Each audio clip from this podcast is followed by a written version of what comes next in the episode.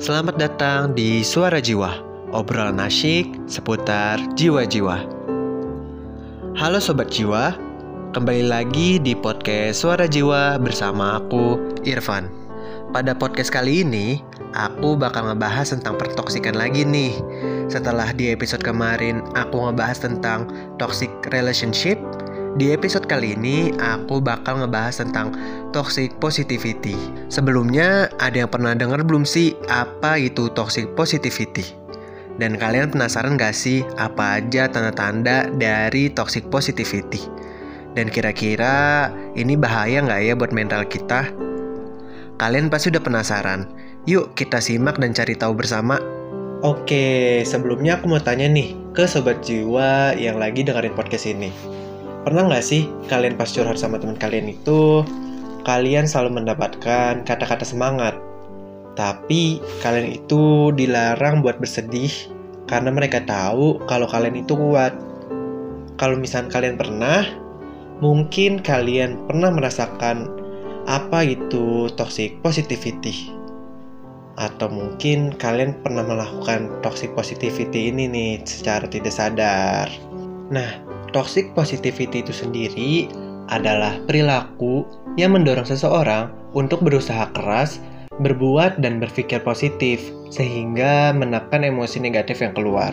Simpelnya sih gini, toxic positivity itu adalah perilaku di mana kita selalu dipaksa untuk selalu mengeluarkan emosi-emosi yang positif kayak senang, bahagia, dan kalian itu dilarang buat mengeluarkan emosi-emosi yang negatif kayak misalkan marah, kecewa, kesel, atau apa pun itu. Nah, di toxic positivity ini juga ada tanda-tandanya loh. Nah, kalian penasaran gak sih?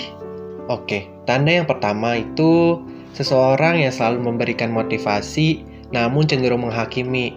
Hah, gimana tuh? Contohnya gini nih Pernah nggak sih kalian pas curhat sama teman kalian, kalian dapat kalimat yang bunyinya, kamu pasti bisa kalau mencoba sekali lagi, tapi sayangnya kamu terlalu cepat menyerah sih. Nah, itu merupakan salah satu contoh kalimat yang memotivasi namun juga menghakimi kita.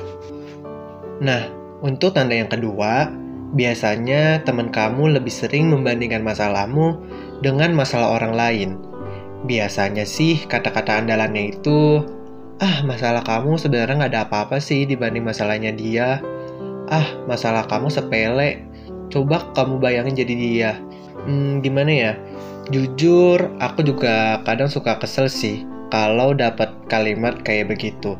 Kan kita cerita itu niatnya itu buat mencari teman pendengar ya, kayak mengeluarkan keluh kesah kita, bukan untuk jadi ajang membanding-bandingkan masalah. Bener nggak sih?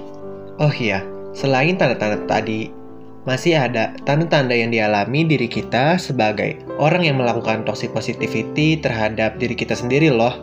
Apa aja tuh tanda-tandanya? Tanda yang pertama itu kamu sulit mengelola emosi kamu sendiri. Bersikap tidak terbuka dengan diri sendiri juga akan membuat diri kita sulit mengelola emosi loh. Sehingga secara batin dan jiwa pun menjadi semakin tidak tenang karena emosi yang tidak terkontrol. Tanda yang kedua itu kamu tidak jujur sama perasaan kamu sendiri. Nah, seseorang dengan toxic positivity biasanya cenderung sulit berdamai dengan diri sendiri dan akan sulit menerima saat emosi negatif tersebut keluar dalam dirinya. Bahkan kita akan cenderung merasa bersalah nih kalau emosi negatif itu muncul, meskipun secara tidak sengaja ya. Nah, dari tanda-tanda yang tadi aku sebutin, sobat jiwa ada yang pernah mengalami nggak nih tanda-tanda yang tadi aku sebutin? Kalau iya, kalian harus waspada karena mungkin kalian sudah melakukan apa yang namanya toxic positivity. Meskipun itu secara tidak sengaja ya dan secara tidak sadar kita melakukannya.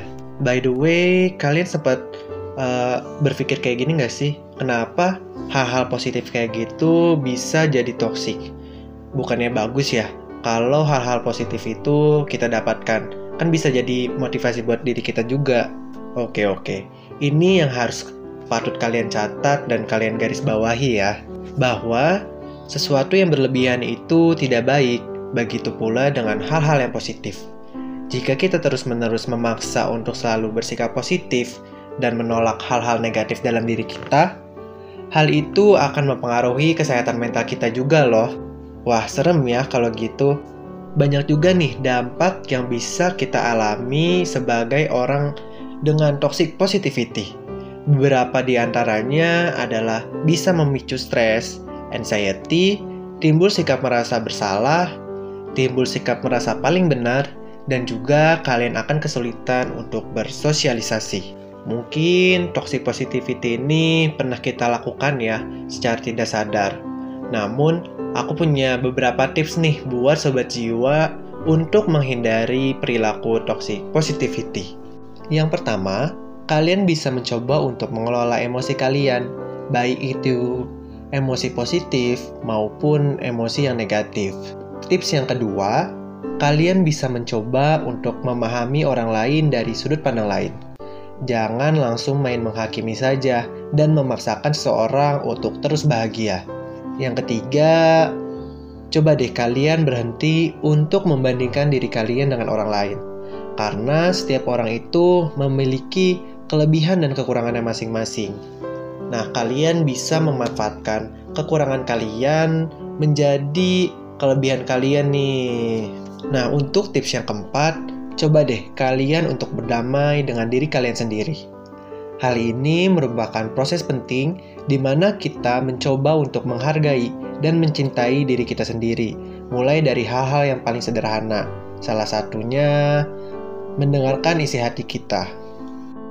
Nah, untuk sobat jiwa yang sekarang mungkin lagi ada di fase toxic positivity, Yuk kita sama-sama untuk menerima dan mengelola semua emosi kita, baik itu yang positif maupun yang negatif.